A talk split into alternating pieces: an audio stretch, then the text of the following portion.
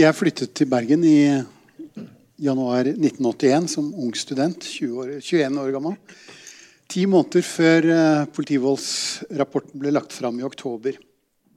Og denne politivoldssaken den bidro i stor grad til min eh, politiske bevisstgjøring i ung alder. Eh, på samme måte som hva vår første forlagsredaktør, den nå avdøde Per Bangsund, sa etter å ha lest manuset vårt for syv-åtte år siden, at politivoldssaken har formet en hel generasjon radikalere. På Sydneshaugen, i Besselstuen og i gamle Bangla så hørte vi historiene om folk som ble banket opp i heisen på politihuset. Jeg kom tilbake til Bergen som journalist eh, ti år senere. Og har gjennom de siste tre tiårene her i byen laget titalls nyhetssaker og reportasjer. Fra de sosiale miljøene i Nygårdsparken, rundt Korskirken og rundt Strakshuset. Og jeg har møtt og lyttet til mange av de som fortalte om selvopplevd politivold på 70- og 80-tallet. Jeg trodde på dem, og jeg tror fortsatt på dem. For ni år siden møtte jeg Bjarne Kvam. Jeg var midt i jobben med en eh, serie nyhetssaker om Gunnar Nore sin kriminelle løpebane med kiosker og, og pølseboder. Eh, Bjarne var da doktorgradsstipendiat på juridisk fakultet her i byen. Og vi fant ut at vi var faktisk ganske nære naboer og hadde en felles interesse i personen Nordhus som for øvrig da bodde i vårt eget nabolag. Bjarne fortalte da om sitt bokprosjekt fra 90-tallet. Om Nordhus og Fugt eh, og forskningen deres. Og om sin lyst til å gå videre med dette. Og jeg synes det var interessant. Det helt sentrale journalistiske oppdraget er å avdekke nyheter. Og Gjennom min journalistiske karriere har mange, dette mange ganger handlet om å ettergå etablerte forestillinger ved å stille kritiske spørsmål til aksepterte sannheter og undersøke grunnlaget for disse. Politivoldssaken var en slik etablert sannhet også for meg. Men hvis grunnlaget for denne sannheten ikke var holdbar, og hvis de hadde løyet, hvis de hadde jukset med datagrunnlaget, manipulert og trikset i forskningen, ja, så ville dette være en viktig samfunnsmessig nyhet å presentere for publikum. Samarbeidet mellom meg og Bjarne, som begynte den gangen da, i, for ni år siden, handlet og handler om denne forskningen. Altså Norhus og Fugt sin forskningsrapport som ble presentert i oktober 1981. Og som ble startskuddet for den store politivoldssaken i Bergen. Og samtidig fundamentet for denne saken. Hvem samarbeidet de med? Hvordan var forskningen finansiert og akademisk forankret? Hvordan var databehandlingen? Hvordan var den metodiske gjennomføringen av prosjektet? Spørsmålet om voldsofrenes historie diskuterte vi flere ganger. Skulle f.eks. jeg gå tilbake til alle de som hadde fortalt meg sine historier? Hva skulle jeg da spørre de om? Skulle jeg spørre de, Var det virkelig sant, det du fortalte? Hva hadde vi da fått? Hva hadde vi da funnet ut? Ville de kunne si noe om de temaene vi sikkert skal diskutere i kveld, som forskernes samarbeid med ulike avdelinger på Haukeland, med privatpraktiserende leger og tannleger, om registreringen ved legevakten, eller om sprik i metoderapporten, omskrivninger i ettertid, tildekking og forskernes løgnaktige opplysninger i brev og dokumenter og falske forklaringer. Vår konklusjon var nei. Og det er dette som nå har blitt en hovedkritikk mot vår bok. Vi har ikke snakket med ofrene. Og ved at vi kritiserer forskerne, så renvasker vi politiet. Jostein Gripsrud angriper oss med voldsom energi, både på Facebook og i dagens BT. Han skriver at politivoldsforskningen hadde sin store historiske fortjeneste ved at maktmisbruk i deler av den etaten som har rett til voldsbruk, ble dokumentert og satt på dagsorden på en måte som endret politiets praksis ganske grundig. Jeg er enig med Gripsrud. Jeg er enig i at Norhus og Fugt klarte å sette politivold på dagsorden. Og politivoldssaken fikk viktige og gode samfunnsmessige konsekvenser. En fornying av kulturen i politiet, bedre utdanning og ikke minst uavhengige etterforskningsorgan. Men er det greit i det godes tjeneste å jukse og lyve? Dette er det grunnleggende spørsmålet vi reiser i boken. Takk. Eh, Bjarne, kan du på en kort måte, for de som ikke har lest boken, oppsummere de viktigste på et par minutter, de viktigste påstandene i boken? Ja, altså Vi påstår jo det at, uh, at dette forskningsprosjektet til Norhus og Fugt, uh, som ble lansert i 1981, som het 'Voldskriminaliteten og dens ofre', det var et forskningsprosjekt på over 12 000 sider, som da angivelig påviste politivold i et omfang som var helt uhyggelig, nemlig ett uh, grovt overgrep hver dag Eh, og alvorlige skader på disse ofrene da, eh, nærmest daglig. Eh, det som vi har som hovedbudskap i denne boken, er at dette forskningsprosjektet var en forskningssvindel. Det er hovedbudskapet i boken.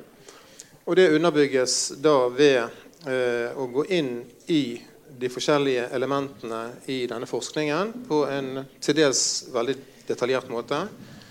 Eh, og der vi påviser at det er en rekke løgner, usannheter, halvsannheter, men også sannheter. Så her er det rett og slett en stor miks av eh, elementer som er, er blandet sammen, der eh, usannheter og til dels helt åpenbare løgner spiller en vesentlig rolle. Da. Så ut ifra det som eh, analyse så mener vi at dette rett og slett var en forskningssvindel. Eh, og da går vi inn i mange, mange ulike elementer av det de har skrevet i boken sin, eller i forskningsrapporten sin, og vi etterprøver dette.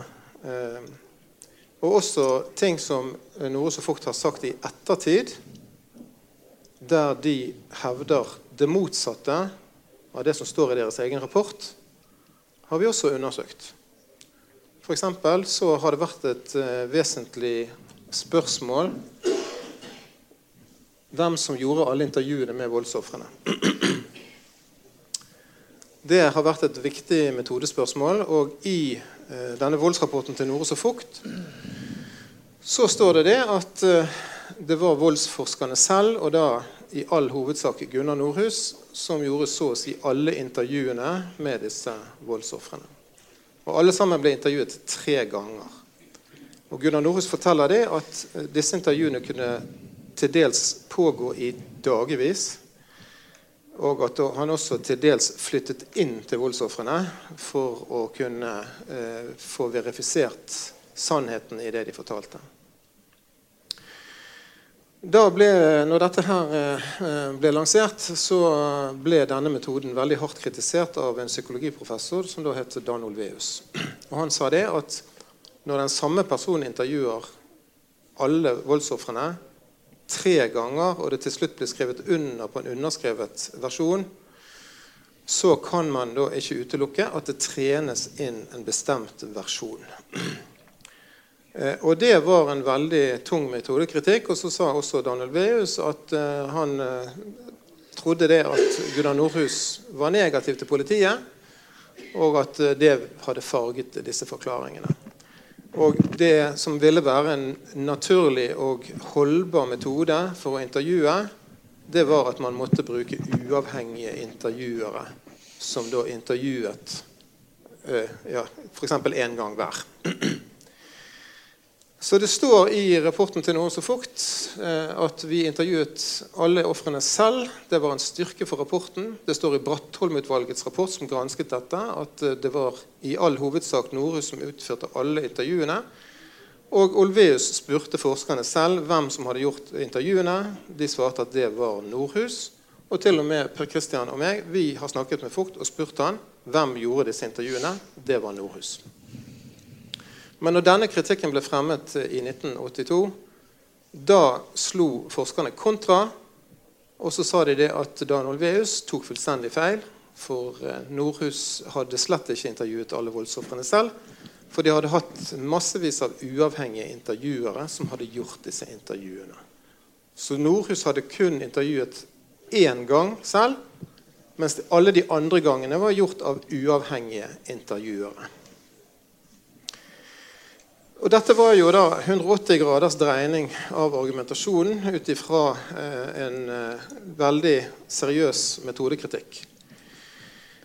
Og For å underbygge eh, at han hadde rett, Nordhus, når han kom med denne nye påstanden sin, så viste han da til noe han kalte for appendix A til delrapport nummer 4.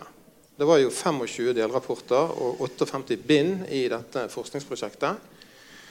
Og Da var det altså angivelig noe som het appendix A til delrapport nummer 4, der det sto om alle disse uavhengige intervjuene. Men problemet er det at det er ingen som noen gang har sett dette appendix A til delrapport nummer 4. Det står ikke referert noen steder, det står ikke henvist noen steder. Det er ikke listet i noen biblioteker som har kjøpt inn materiale.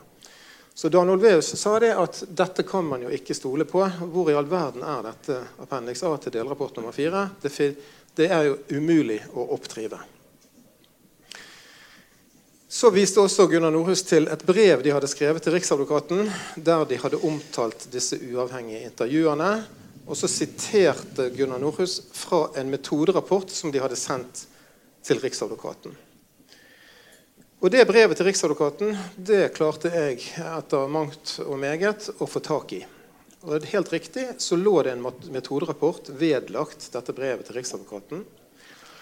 Og når jeg skulle sjekke dette sitatet som Norhus hadde skrevet om alle de uavhengige intervjuene, så sto det ingenting om det i denne metoderapporten.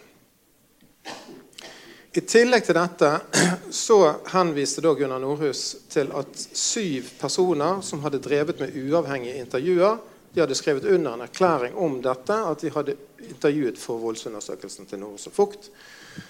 Og det var også nok et bevis på at de hadde massevis av uavhengige intervjuere til å hjelpe seg. Disse personene har vi da eh, snakket med. Vi har fått tak i de aller fleste. Og én av disse har bekreftet at han gjorde noen intervjuer for voldsundersøkelsen. Ingen andre har bekreftet at de gjorde uavhengige intervjuer. Tvert om så er det flere som sier at de gjorde slett ikke noen uavhengige intervjuer i det hele tatt. Og den ene ut av disse han var til og med i Danmark eh, når disse intervjuene angivelig skulle ha skjedd. Han sa at han aldri hørt om dette i det hele tatt. Sånn at Dette var egentlig starten på min interesse for eh, denne voldsforskningen. Fordi at eh, jeg kunne ikke forstå hvordan de kunne snu 180 grader på argumentasjonen og bruke da henvise til dokumentasjon som egentlig ikke fantes. Eh, så dette kan jo være en liten beskrivelse av eh, hvordan vi mener at dette forskningsprosjektet henger sammen, og at det ikke henger sammen. Man har noen, han ene Legen Ole Skjønsberg han bekreftet at han hadde gjort en, kanskje en 10-15 intervjuer. Ingen av de andre hadde gjort noen uavhengige intervjuer. Det var litt sannhet, og det var også løgn. Og Vi mener jo det at man kan ikke basere et forskningsprosjekt på løgn. Eh, og det har vi dessverre oppdaget ganske mye ut av i dette materialet. Så jeg vet ikke om det får være foreløpig. Jo. Eh, med disse eksemplene som du har nå, så forteller du en historie som er en historie om eh, forskningssvindel fra dag én. Og det er noe av det vi har kjempa om. At det syns jeg er en ganske urealistisk eh, fortelling. For det hvis det er en fortelling som spiller seg over flere tiår, eh, skal få med alt av tilfeldigheter og ting som kan skje, man, så er det veldig sannsynlig at man har startet med gode forsetter, edle intensjoner en, en, enten det er en aktivisme eller en redelig, uavhengig forskningsinnstilling. Og så har ting skjedd, og det har ballet på seg. Og Dette er to veldig forskjellige personer. Det er ene er Norges mest utdannede person. Og det andre er en person som har forberedende. Eh, som er 22 år når de begynner. Og mens han andre var over 50. 49. 49. Eh, så egentlig så er den historien om at dette er en forskningssvindel fra dag én, den er litt urealistisk i forhold til det materialet dere selv viser fram. Og Det er også noe som Jostein Gripsrud skriver i BT i dag, at dere ser helt bort fra pragmatiske grunner. Har dere noen kommentar til det?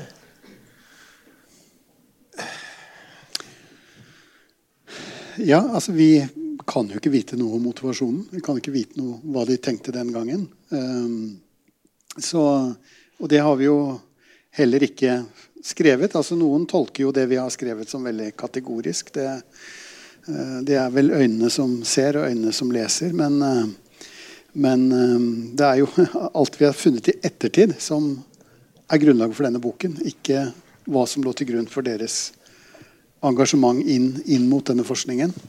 Hva du vil si, Bjarne? Altså, denne boken den spenner på, fra tidsrom fra 1971 til nesten i dag. Altså, det er nesten 50 års eh, bergenshistorie på en måte.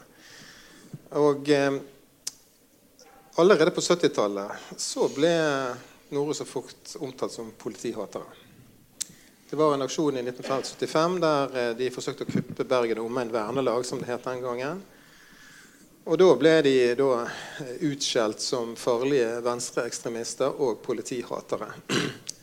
Og de eh, sto bak en del aktivitet på 70-tallet som ja, man eh, nok kan si hadde brudd mot politiet.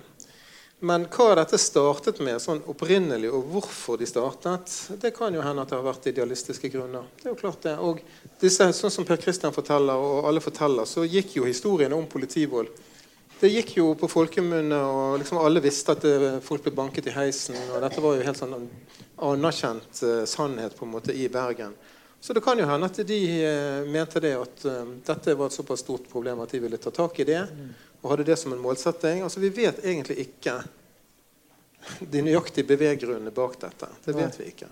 Men allikevel så, så er det, det har vært tydelig i at dette hadde jeg tenkt som en forskningssvindel fra dag én. Det er sånn historieskrivingen er. Ja, hva mener du nå? At, at, vi har tenkt det fra dag én? Ja, at, at det, det, det, blir liksom eh, det, det fremgår ja, du, du, kan, du, kan, si at det begynte med en slags sånn kognitiv dissonans, spesielt for Bjarne, men for meg også. Altså jeg, jeg kjente jo politivoldssaken kun som ung student i Bergen og engasjert politisk menneske den tiden. Eh, og så ble jeg kjent med Gunnar Norhus eh, på 2000-tallet og hans virksomhet da. Og, og, det er klart, det, det, rimte jo dårlig, de to tingene. Og det var vel du, du har vel tilsvarende erfaringer med, politi, med hestesakene? At de, de ble en reiste spørsmål for deg. Er det mulig å være virkelig troverdige sannhetsforskere og drive og lure folk, trille rundt på fritida? Men altså, hvis vi snakker om liksom starten på det hele, så, så vet vi jo det at både Norhus og Fugt var interessert i forskning. Da. Eh, og de, både Norhus og Fugt var nok eh, ganske sånn type på den radikale fløyen da, på begynnelsen av 70-tallet. Og Norhus startet noe som han kalte for Kriminalpolitisk forening. Forum. Kriminalpolitisk forum var det, ja. Og der var jo, I, i vedtektene der så står det at eh, dette, dette kriminalpolitiske forum skal drive med forskning eh, i forhold til å få, eh, få til kriminalpolitiske reformer. Eh, sånn at eh, både Nordås og Fugt hadde en genuin interesse for dette her med å engasjere seg i forskning. Mm. Og, og det kan, det kan, altså Vi vet jo ikke så veldig mye om hvordan disse tingene utviklet seg. i det hele tatt. Og Dag, Dag Vaular, som sitter her, som drev med statistisk analyse for for Nordhus på Haukeland sykehus, har jo fortalt at dette ballet på seg underveis. At det var ikke sånn at det var et fastspikret opplegg egentlig. Men dette her ble bare større og større, og det forteller jo også noe så fort om selv. At det startet eh, på liksom sånn og sånn, så det var egentlig ment som et pilotprosjekt. Og så ballet det på seg, og så ble det kjempestort, så ble det enda større. og så ble det bare liksom helt gigantisk. Men, hva, altså, men det som er en av problemstillingene til her, det er jo det at noen veldig klare fortellinger fra Norus og Fugt sin side om hvordan dette egentlig skjedde, det har vi aldri fått. Så for oss så er politivoldssaken langt på vei et mysterium, rett og slett. Du kaller de politihatere, men er det, noen har fremmet kritikk om at dere er interessert i å frikjenne bergenspolitiet? ja, det har iallfall ikke vært min ambisjon. Uh, men uh, ja, altså jeg kan, jo bare, jeg kan jo bare konstatere at folk leser det på den måten der. Men, uh, men uh, det har ingen altså Jeg har verken familie eller relasjoner i politiet på noen slags måte. Jeg vet ikke om du er vokst opp i en politifamilie? Altså, jeg bryr meg så utrolig lite om å frikjenne politiet. Og jeg, jeg har sjøl fremmet altså jeg er, jeg er sjøl ganske kritisk til ting og tang som skjer i politiet. Eh, av, av, ulike årsaker. Men, men altså for, liksom, hvis man er interessert i sannheten, hva var det som egentlig skjedde? Så må man kunne ha et åpent sinn i forhold til at, at faktisk så var selve denne forskningen den var en svindel. Men hva som ellers har vært, det vet jo ikke vi. Men jeg må jo si at jeg er personlig kritisk til veldig mye av det som skjer i politiet. Det er helt opplagt. Eh, men det er liksom denne saken har preget Bergen som et syndrom. liksom Det største mm. syndromet etter krigen. Og den er basert på en forskningssvindel. Og det, det syns vi har offentlig interesse. rett og slett. Det er jo en, eh, bare legge til det at det er en uh, kritikk som vi møter også basert på en slags gammel journalistisk gammel, altså journalistisk ideologi, nærmest. Altså Journalistikken skal være på den svake side mot den sterke. Uh, og det, det um, den, den, kan jeg jo langt på vei underskrive. Men hvis, hvis, det skal være den styrende tenkningen som journalist, så er det to, minst to store problemer knyttet til det. Det ene er jo Det er ikke alltid like lett å vite hvem som er den svake og den sterke part. Og for det andre så kan den overskygge sannhetskravet, som følger all journalistikk. Eh, og det er jo inne på det du sier. Altså, her er det jo en sannhetsjakt det handler om. Og ingen andre motiver enn det. Dere driver en metodekritikk, eh, og dere vil ikke snakke med noen politivoldsofre. På pressekonferansen så, var, så skinte det litt gjennom i en kommentar fra deg, Bjarne, at du sa at eh, ofrene sier det ene den ene, dagen og noe annet den neste dagen. Så du så det tvil om deres troverdighet. Det var, ikke, det, så, det var ikke så hyggelig sagt og klokt sagt. Da. Nei, så, det, så, det, det, så, her begynner man jo hvis, dere, hvis, dere har, hvis, det er en dynamikk der Gunnar Nordhus har bodd hjemme hos folk over flere dager og innover en fortelling, så måtte det vel vært av interesse å møtt noen av de som hadde han boende hos seg, og fortelle hvordan de ble drillet. Jeg har møtt en av dem. Si, altså for det første så er det ikke riktig at vi ikke har noen voldsofferberetninger. For vi har jo han, vi har beretter den historien om han eh, Gard Titlestad som ble bitt i ja. visst sted av en politihund. Eh, men, eh, men, altså, jeg har snakket med én av disse. Eh, grunnen til at det var, kanskje ble litt sånn feilt oppfattet på denne pressekonferansen, altså, det er jo det at historikken viser jo det at Norus og Fugt har vært så aktive i forhold til disse voldsofrene at i den grad de har kommet med en historie, så har det vært en pågang fra noe så fort alle andre innenfor liksom den sfæren veldig kjapt på disse. Og så har det kommet nye forklaringer. Sånn at eh, det var kanskje litt unyansert av meg å si det at man, disse voldsofrene sier det ene den ene dagen, andre den andre dagen. Men altså det er i den konstellasjonen at noe så fort er på disse hele tiden. Og, og de forandrer forklaring da av, fordi at de blir påvirket. Sånn at det å, være, liksom, det å gå inn i den gruppen der og prøve å etterprøve eh, liksom, eh, historiene sin sannhet, det, det sto for meg, En ting var det at det sto for meg som risikabelt. fordi at Da risikerte jeg at Nore så fort med en gang ville gå på disse. Og så sier de at Bjarne Kvam han har eh, eh bestukket den og den personen til å si sånn og sånn osv. Så Dette er jo sånn historie vi kjenner fra før. Men det, det, aller mest viktige faktisk er jo det at de kunne jo aldri ha altså Hvis vi hadde snakket med voldsofre, så kunne jo de aldri ha bekreftet eller avkreftet hvordan Gunnar Noe hadde vært fukt uh, samarbeidet med leger på Haukeland sykehus? Hvilke avdelinger samarbeidet de med? Hvilke tannleger og leger privatpraktiserende samarbeidet de med? Hvor er Appendix A? Uh, hvor mange ganger ble de intervjuet hver? Uh, av hvem? Det er klart at Ingen av disse voldsofrene kunne belyse sånne type viktige metodeproblemstillinger. Så ja, nei, Så jo... Men jeg, har snakket, jeg, jeg snakket ganske nøye med én av disse som jeg traff. Eh, som fortalte om hvordan han mente at disse historiene ble til. Det kan jeg jo selvfølgelig fortelle om her, men altså det står ikke i boken. For jeg mente det at, at jeg burde holde den type opplysninger unna boken. Fordi at hvis det kom frem, så ville man veldig raskt få, få beskyldninger om at her har du vært ute og bestukket de, eller du har påvirket de, osv. Og, videre, det er jeg ikke interessert i. Men det er jo det, det, er jo det som er poenget her. Altså, det er jo den skriftligheten uh, som er hovedelementet og, i dokumentasjonen vår. Ikke, ikke intervjuene med ofrene eller Altså andre. de skriftlige forklaringene Ja, fra, fra ja og, og den skriftlige dokumentasjonen som foreligger. Ja. Og Det kommer vi kanskje tilbake til i forhold til Haukeland sykehus osv. Og, så og, og leger og tannleger. Men uh, Men det var jo ikke sånn at uh, uansett om han eh, om de påstod at de hadde uavhengige intervjuere, så var det jo ikke sånn at uh, Edvard Vogt gjorde alt selv. Altså, det var jo en andre runde der Brattholm og Frode Sulland var med også, og intervjuet uh, voldsofre. Ja. Var det også uh, påvirket intervjuet? Jeg skal jo være litt forsiktig med å si hva som egentlig skjedde. Men vi vet jo det at uh, disse politivoldsofrene og disse her, de ble jo kjørt eh, frem og tilbake til Brattholm-utvalget av Gunnar Norhus i Mercedesen. de, eh, fra 86-87 så vet vi jo det at eh, Norhus og Fugt de drev jo og preparerte disse vitnene før de skulle intervjue, og ga de forklaringene og ba de om å lese de og, og pugge de osv. Så, videre.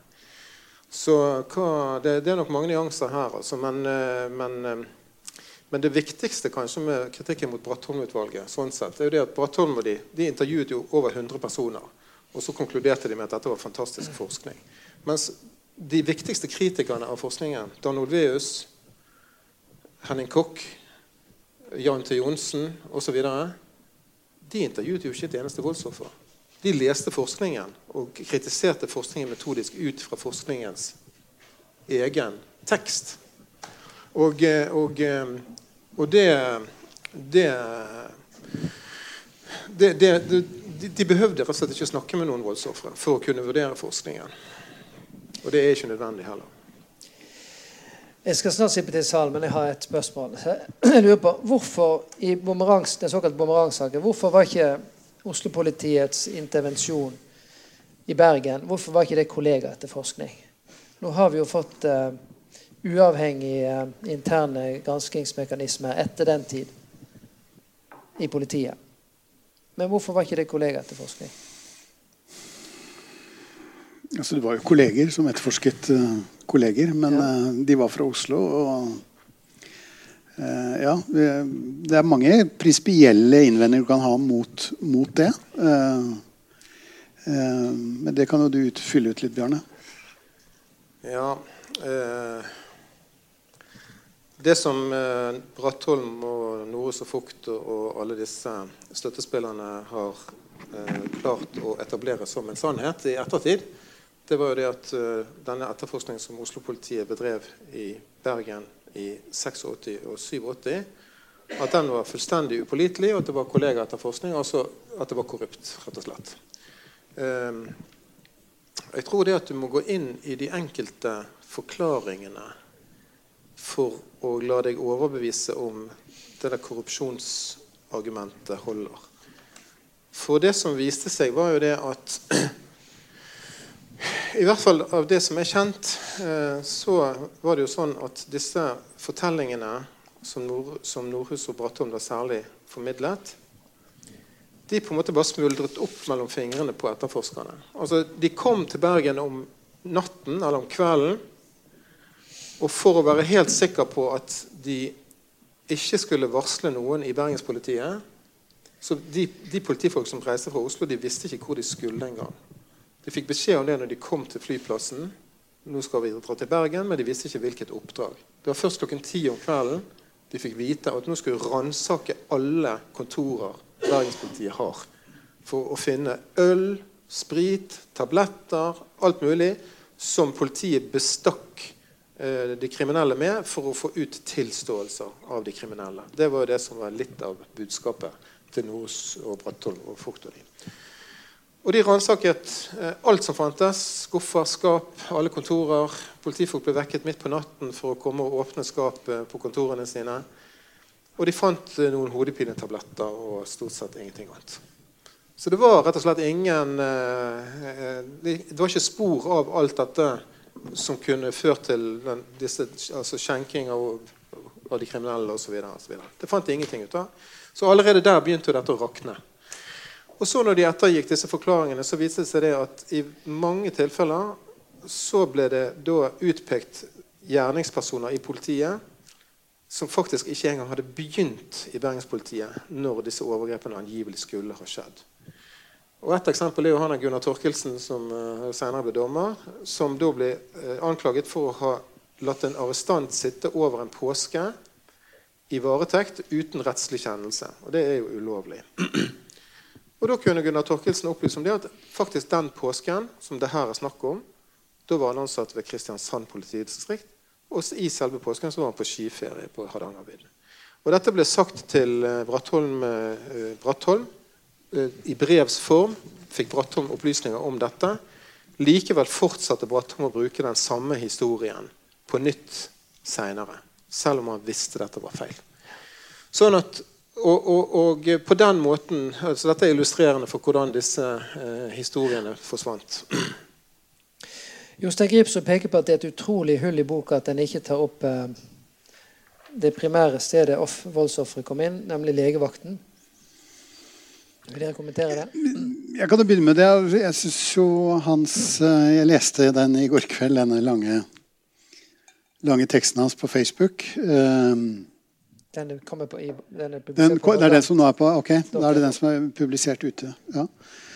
Um, nei, altså det er, um, det, er, det er, veldig mye å si om det, og det skal vi jo svare grundig på. Alt, alt, han skriver der. Men det må jo også nødvendigvis da bli langt. altså Ehm, men der påpeker han jo det, at det er et veldig stort hull. Ehm, det som er situasjonen, er jo at eh, det som det er mulig å innhente opplysninger som det er mye skriftlighet på, det er dette med tannleger og, leger og tannleger og Haukeland. Vi har ikke klart å finne omtrent noen ting når det gjelder legevakten.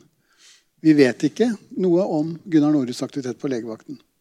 Eh, hvis noen vet noe om det, så må dere fortelle oss. For vi vet veldig lite om det. Det er veldig lite skriftlig. Det er tall i kolonner, og that's it. Altså, jeg har snakket med flere av legevaktsjefene eh, og spurt om de kjenner til dette, om det finnes dokumentasjon, om det finnes noen papirer osv. Eh, no, jeg husker rett og slett ikke nøyaktig hva de svarte meg. Men altså, det var umulig å oppdrive noe dokumentasjon eller noe sikker kunnskap om det som skjedde på legevakten. i det hele tatt. Og eh, det er jo klart at Da kan man jo heller ikke skrive om det.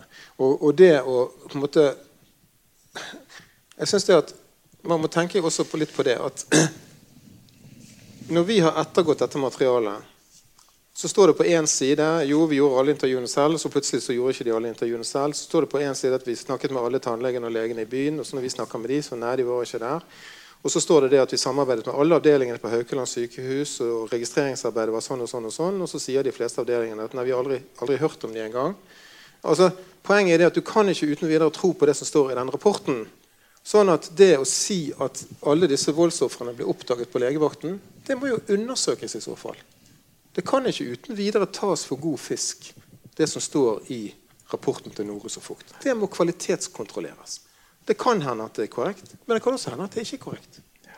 Og når det ikke finnes dokumentasjon, så er det heller ikke så veldig eh, altså, Da kan du egentlig ikke gjøre så mye med det. Det det var dokumentasjon på, et ganske omfattende dokumentasjon fra Haukeland sykehus. Og det var veldig interessant, for der var det mye eh, som belyste dette. Og der var det jo f.eks. Dagfinn Årskog på Barneklinikken som eh, sa det at de har aldri vært her. De har aldri hatt kontakt med dem.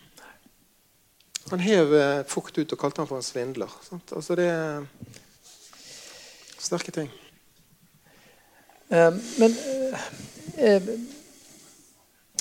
du, dere har snakket mye om Vogt og Nordhus, men uh, juristene som gjorde dette til en offentlig sak Brattholm, uh, som uh, Gripsrud skriver så har han Det viser seg vel i det Gripsrud skriver, at han har kommentert Olveus og Koch på en måte som dere ikke har tatt med i boken. Vel, det er delvis uh, riktig. Ja. Men um, altså, saken er det at som, som dere ser her, folkens sant? Altså, Vi kunne ikke ta med alt. Det er helt umulig. Og de som er interessert i å lese alt, de kan lese dette. Men vi har tatt med uh, det som vi mener er det mest sentrale. Og vi har gått litt dypere inn i det.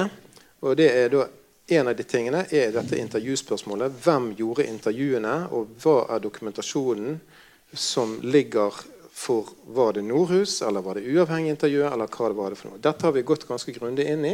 Vi har også gått inn i hvordan Brattholm møter disse argumentene, og hvordan Brattholm argumenterer der. Og så har vi noe som heter sekundærmateriale og primærmateriale. Fordi at Dette forskningsprosjektet det er en kjempestor labyrint som er veldig veldig vanskelig å finne ut av. Og Noe så Fugt hadde da noe de kalte for primærmateriale, og så var det noe som het sekundærmateriale. Og Primærmaterialet er sånn som eh, Vaula sier, det var en 300-400 mennesker som var intervjuet eh, om eh, angivelig legebehandlet voldstilfeller i en 18 måneders periode fra 1.1.1974 til 30.6.1975. Det var primærmaterialet. Og Så ble disse spurt har du noen gang tidligere i ditt liv blitt utsatt for vold. Og Da kom det da mange flere tilfeller. og Det var sekundærmateriale. Det ble jo ikke på noen måte kontrollert på noe slags vis. Og det var 1100-1200 tilfeller eller hva det var for noe, av eh, vold. så vidt jeg husker. Generell vold, ikke politivold. Jo, altså da var jo da, eh, da, var jo da eh, det... Men av de 320 så var det 26 politivoldsofre i primærmaterialet. Ja, ja. Og så var det 18 per år. Mm. Ja, sånt. Men i dette sekundærmaterialet så var det mye, mye mer. Eh, og eh, ja, eh, Det er veldig veldig kompliserte diskusjoner og argumentasjonsrekker som på en måte snirkler seg inn i dette systemet. Sånn at Vi har først og fremst konsentrert oss om altså intervjuspørsmålet. Hvem gjorde intervjuene, og hva er bevisene for det? Og hvordan møter Brattholm dette? Og forholdet mellom primærmateriale, sekundærmateriale, motsetningen i disse materialene som var en veldig viktig del av dette, og hvordan Bratton møter dette argumentasjonsmessig. Men det fins også andre ting her som er ganske viktig, uh, som vi ikke har gått så nøye inn i. Og da tenkte jeg hadde bare lyst til å nevne et eksempel. Fordi at uh, Henning Koch, hans hovedargument Eller et, et, av hans viktige argumenter mot dette materialet, det var det at Norus og Fugt hadde ikke klart å skjelne mellom lovlig maktbruk fra politiets side og ulovlig maktbruk fra politiets side. Fordi det fantes ingenting i deres materiale som stammet fra lovlig maktbruk. Det var ikke spor av det. Eh, eh, dette, sa, dette sa Henning Koch. Det var fullstendig urealistisk. Det er klart at I en 18-månedersperiode i en såpass stor by som Bergen så skader politiet klientellet selv om de bruker lovlig makt. Det er normalt. Sånn at Dette var et av Henning Koch sine argumenter. Det som da skjedde, det var det at Norus og Fugt imøtegikk Kochs argumentasjon. Og det gjorde de i eh, ja, her. Altså det gjorde de i noe som vel heter Nordisk tidsskrift for kriminal, eh, Nordisk tidsskrift for kriminalvitenskap, tror jeg det var. Mm. Og Der hadde både Brattholm og uh, Nore så fort uh, artikler der de imøtegikk Kokk.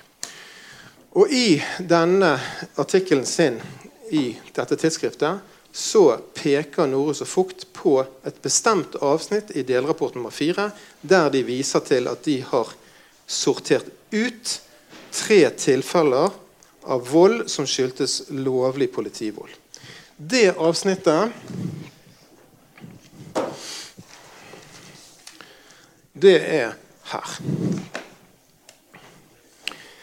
Det er avsnitt 4, 13, 2, 6 i delrapport nummer 4 med overskrift 'Gjerningsperson'.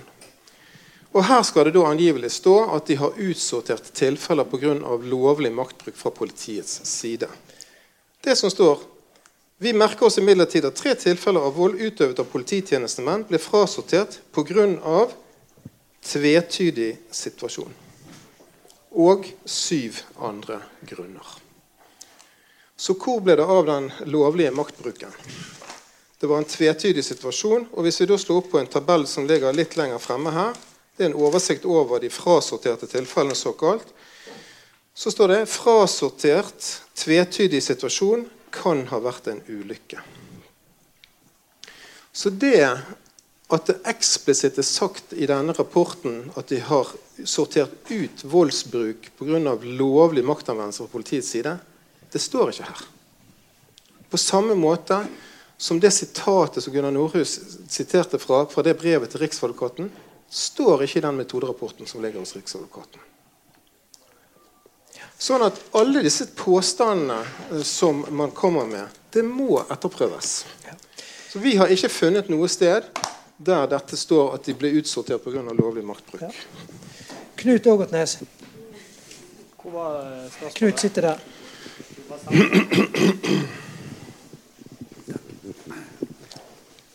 I alle disse årene så har jeg hatt en uh, historie liggende på den skrøpelige harddisken min, som går ut på at de skulle forske på vold i Bergen over hele fjøla. Det var utgangspunktet. Og så oppdager de etter hvert tilfeller av politivold. Og så ble det en del av prosjektet. Stemmer dette? Dette går jo litt på motivasjonen de hadde. Og så tenker jeg på disse 12 000 sidene. Jeg er helt enig med det som blir sagt her. Det er merkelig at det skal finnes 12 000 sider liggende etter et sånt prosjekt.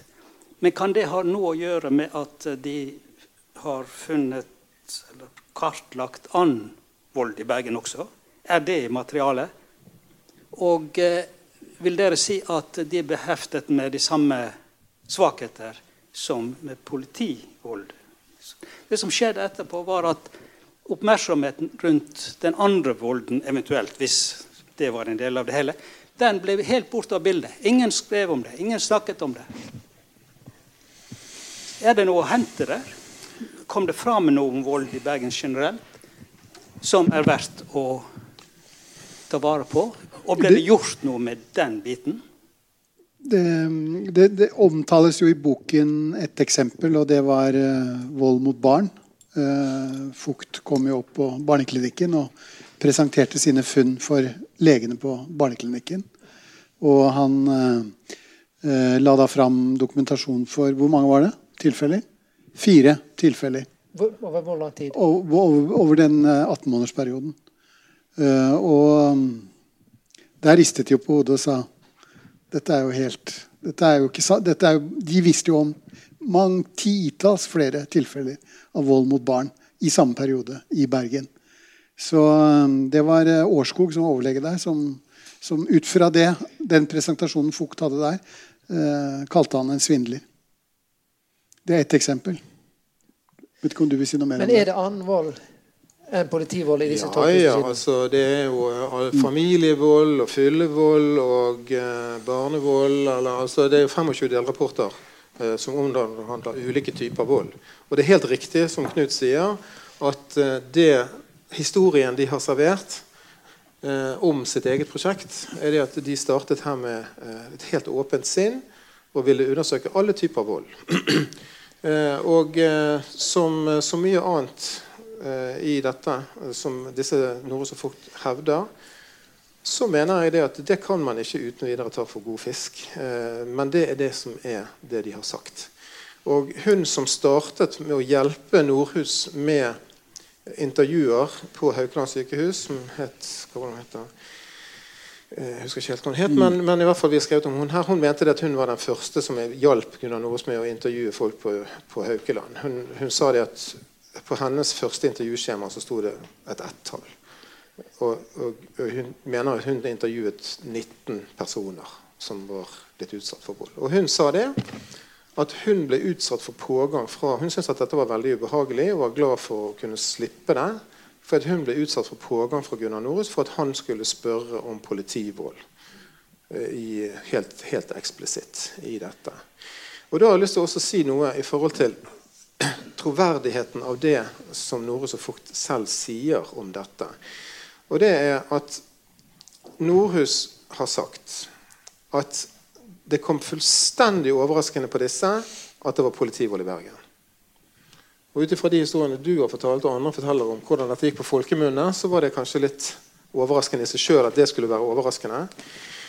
Og så sier Gunnar Nordhus i denne boken 'Mercedesrytteren', som Rolf Sagen har eh, skrevet, at etter tre-fire måneder med eh, intervjuer av voldsofre, så snublet de altså over en kvinne som var blitt utsatt for politivold på Bergen politikammer. og Dette kom som et sjokk på dem.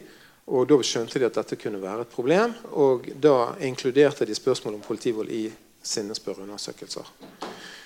I andre sammenhenger så forteller han en annen historie om når dette ble oppdaget. Og hvis du går inn i rapportene deres og ser på datamaterialet de selv har laget, så er det allerede i høsten 73, altså flere måneder før prosjektet egentlig startet, så står det det at høsten 73 intervjuet de allerede da en mann som fortalte om politivold. Så etter min mening så henger rett og slett ikke disse argumentene sammen.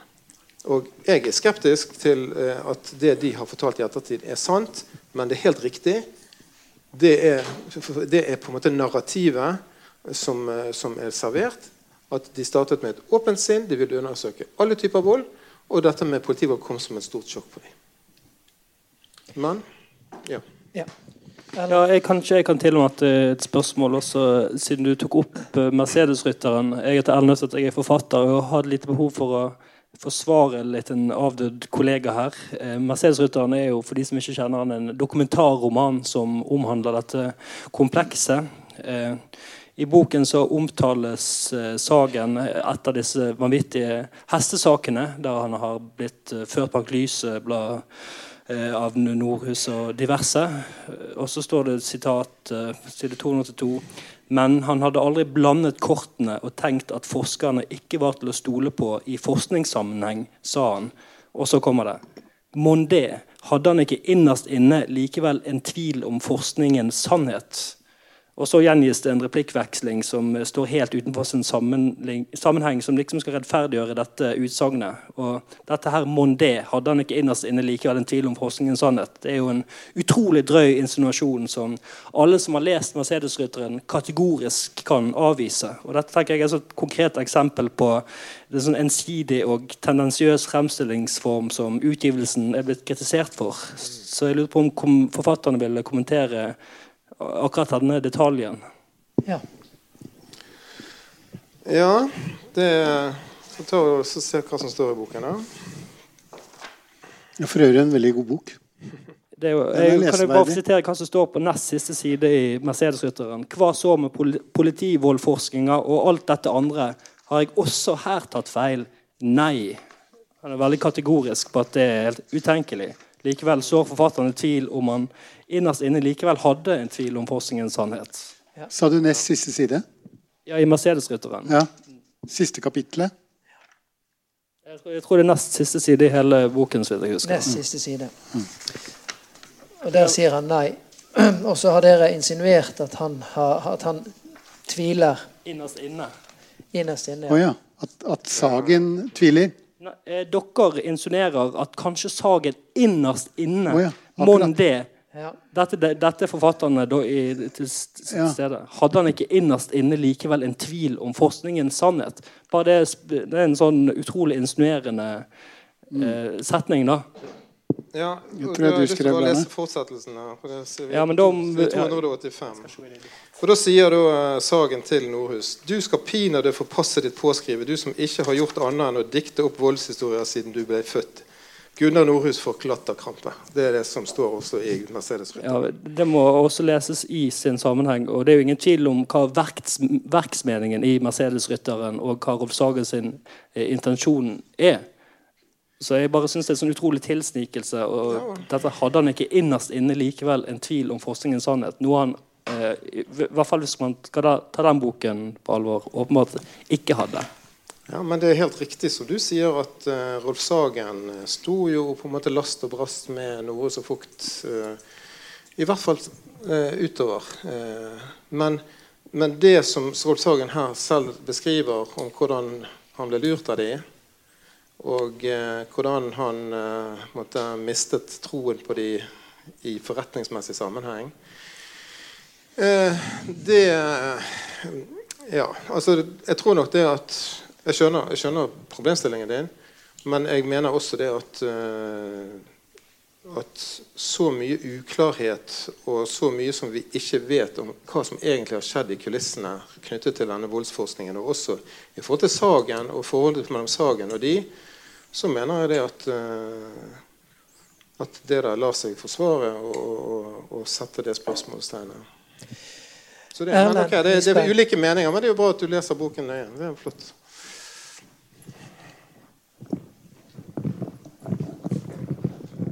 Uh, ja, jeg har et siste spørsmål. Uh, dere har jo fått en del kritikk bl.a. fra Juridisk fakultet i Bergen, professor uh, Martinussen. Sier vel at Beskylder jo dere for løgn når det gjelder da professor Fugts professoropprykk. og jeg lurer på Hva tenker dere om, om den kritikken dere får der? Og så et siste ekstraspørsmål. Er det noe i kritikken dere har fått på Facebook eller i debatten som dere mener treffer, utover liksom Vi kunne selvsagt gjort ting annerledes? Ta professoransettelsen først. Ja, du hadde jo en det er også noe som Jostein Gipsrud har skrevet om. Mm. Uh, han skriver at det er I den lange versjonen så skriver han at uh, dere underslår et rosende brev som uh, professor Kai Krüger, som her blir tatt til inntekt for en kritikk av ansettelsen, mm, mm. har sendt privat til Edvard Vogt. Uh, der det, du har flere setninger med, med Kai Krygers lovprisning ja. av Vogt. Um, for det første så vil jeg si det at altså, Martinussen anklager oss for løgn. Mens Gripsrud så leser jeg Gripsrud har skrevet i denne lange versjonen, så, eh, så, så, så erkjenner Gripsrud veldig klart at den professorvurderingen som ble gjort av denne komiteen, den inneholdt veldig mye kritikk av dette forskningsprosjektet. Sånn at altså eh, eh Gripsrud anklager ikke oss for løgn i det hele tatt. Selv om han sikkert mener at vi har gått for langt. Men sånn som han beskriver dette, så er det mye mer korrekt i forhold til det som ligger i selve den professorkomiteens innstilling. For den underkjenner da dette forskningsmaterialet ganske kraftig. Eh, og, eh, og, det, og det, det, bekrefter eh, Gripsrud egentlig i det han skriver. Og så er det dette med det brevet som du nevner, Frode, som da han viser til at vi underslår Hva finner jeg?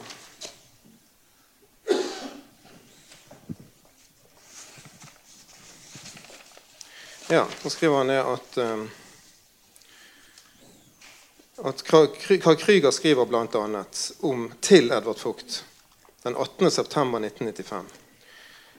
Jeg har den største respekt for deg som fagperson og er full av beundring både for din utrolige fagbredde og for alt du har fått i stand i løpet av ditt liv. Ikke minst slutter jeg meg til dem som mener at du har blitt utsatt for utidig mediedekning, særlig fra BT sin side, senest i forbindelse med klostersaken. Det var ikke meg som skrev om Det er også helt klart at jeg ville unnt deg en bedre økonomiske betingelser som pensjonist, fordi du utvilsomt har måttet betale en høyere pris for din forskning enn det som er vanlig både figurlig og bokstavelig. Den talen jeg holdt for deg da du i fjor trådte tilbake, turde underbygge det jeg her sier om deg som forskerpersonlighet, kollega, miljøfaktor og ressurs. Og så sier da eh, Gripsrud for egen regning her Kvam og Kos fremstilling av både innstillingen og professoropprykket er med andre ord ikke bare tendensiøs, men klart feilaktig. Det brevet det har jeg her. Det brevet som Gripsrud siterer fra. Og det som da, dette brevet, Konteksten for dette brevet her, det er det at eh, den komiteen som besto av Ørjar Øyen, Hans Petter Graver og Jon T. Johnsen, som da ble avsagt med dissens, noe som Gripsrud ikke nevner. Men Jon T. Johnsen sa jo helt klart at dette holder ikke i det hele tatt til professorkompetanse. Ok, Den innstillingen ble i hvert fall levert til juridisk fakultet. Kai Krüger reagerte så sterkt på dette at det her lå an til at eh, Fugt skulle få professorutnevnelse, at han intervenerte selv krevde oppnevnt en ny komité for å evaluere evalueringen. For Han mente at dette holdt ikke på greip i det hele tatt. Det var ikke faglig grunnlag for å gi Fugt professorkompetanse. Da laget eh, Krüger et eget notat om dette som han sendte til fakultetsstyret. Det sendte han også til Fugt. Og Det brevet som Gripsrud eh, siterer fra, det er følgebrevet til det notatet der Krüger slakter Fugt. Eller kommer med sterk kritikk Ja. av Fugt. Ja, eh, og Da skriver han da eh, eh, følgende Kjære Edvard Fugt. Jeg vedlegger mitt notat i saken. Altså det notatet der Krüger gjør sitt ytterste for å stoppe denne professorutnevnelsen, det ligger ved dette brevet. Jeg legger ved mitt notat i saken. Det munner ut i et forslag om fakultetskomité fordi jeg selv mener at innstillingen nødvendiggjør dette, jf. min orientering til deg forleden om dette og innledningsavsnittene i det vedlagte notat. Jeg antar at det i fakultetsmiljøet er mange som vil slutte seg til flertallsinnstillingen uten videre. Jeg ser ikke bort fra at jeg kan bli stående alene eller med et lite mindretall i det jeg foreslår. For meg er det allikevel nødvendig å peke på de fagpolitiske spørsmål hele saken reiser, og jeg kommer derfor til å opprettholde mitt syn, selv om det ikke går gjennom i Fakultetsrådet. Slik sett har saken heller ikke vært lett for meg. Altså, Han legger ved det notatet der går han så sterkt han kan som fagperson i hele sin karriere imot denne utnevnelsen. Og så sier han det på denne måten. Og så kommer det som Gripsrud siterer. Når dette skjer, er det viktig for meg å si fra om at saken fra min side ikke har personlige aspekter. Jeg har den største respekt for deg som fagpersoner, full av beundring for både din utrolige fagbredde osv. Dette som Gripsrud siterer. Sånn at hele konteksten her er helt annerledes enn det som Gripsrud forsøker å fremstille det som. Er det det som eh, professor Martinussen mener dere har løyet om? Jeg har ikke satt meg helt inn i hva Martinussen sier. Jeg eh, har lest det ja, som Gripsrud sier. han var også invitert her i dag. Ja, men dette brevet, i hvert fall etter min mening, gir, sånn som Gripsrud siterer dette brevet, så gir ikke han den riktige konteksten og på en måte sammenhengen i dette. Okay. Vi, vi, hvis det ikke er flere spørsmål, så kan vi avslutte med å gjenta det siste du sa. Eh, er det noe i kritikken som har kommet fram her, som dere syns treffer? Som dere ville gjort annerledes? Nei, Vi skulle nok kanskje øh, fulgt flere av dine råd om å nedtone språket og skrive det litt mer akademisk og forsiktigere enn vi gjorde. Men øh, det, det hadde kanskje ikke blitt øh, det rabalderet det har blitt nå. I samme grad. Jeg vet ikke hva du sier. det ville blitt uansett. Jeg tror det ville blitt bråk uansett. Og, eh, for dette, dette vekker så sterke følelser. Eh, og eh, det som er viktig for oss, er det at det, det, det vi skriver, kan forsvares. Og vi mener det er riktig, det som står der. Og det som jeg syns er betegnende for den kritikken som er kommet, det er at det trekkes frem ting som har liten betydning for hovedbudskapet i denne boken, og som gjøres til hovedsaker for disse kritikerne. Mens det som er hovedsaken i boken, det blir bagatellisert og på en måte ignorert. Og Man kan se da på kritikken fra Jostein Kripsrud, der alle disse løgnene og usannhetene fra forskernes side det blir omtalt som litt amatørmessighet, eh, litt sjarlataneri, eh, litt idealisme osv. Improvisasjon. Ja, improvisasjon Og rot. Og rot. Altså, men det, eh, han toucher ikke appendix A til del- delrapport nummer fire. Eh, han, eh, ja, han, han bruker akkurat de samme metodene som andre kritikere gjør. De tar tak i ting som egentlig ikke er særlig viktig, blåser dette opp. Og det som er hovedbudskapet i boken, nemlig at dette er bygget faktisk på en forskningssvindel, det blir fullstendig enten bagatellisert eller ignorert. Men jeg tror det hadde blitt bråk uansett. Fordi at dette er rett og slett en vanvittig Ja. Og dette her er begynnelsen på noe, og det blir i hvert fall ikke, som du sa på pressekonferansen, punktum i saken. Vi vet at Bergens Tidende graver og graver og kommer til å publisere mer kritikk. eh, så eh, saken, boken, kommer til å leve. Jeg tror bare til en ting når det gjelder en professorutnevnelsen. Og det at Jeg snakket nemlig med Kari Krüger i dag. Og eh, Han sa det at sånn som han er blitt referert i boken, er det aldeles korrekt. Ok. Da eh, takker vi for dere som eh, kom og bidro med kritiske innspill. Og så kan vi eh, ønske alle riktig god jul når den tid kommer.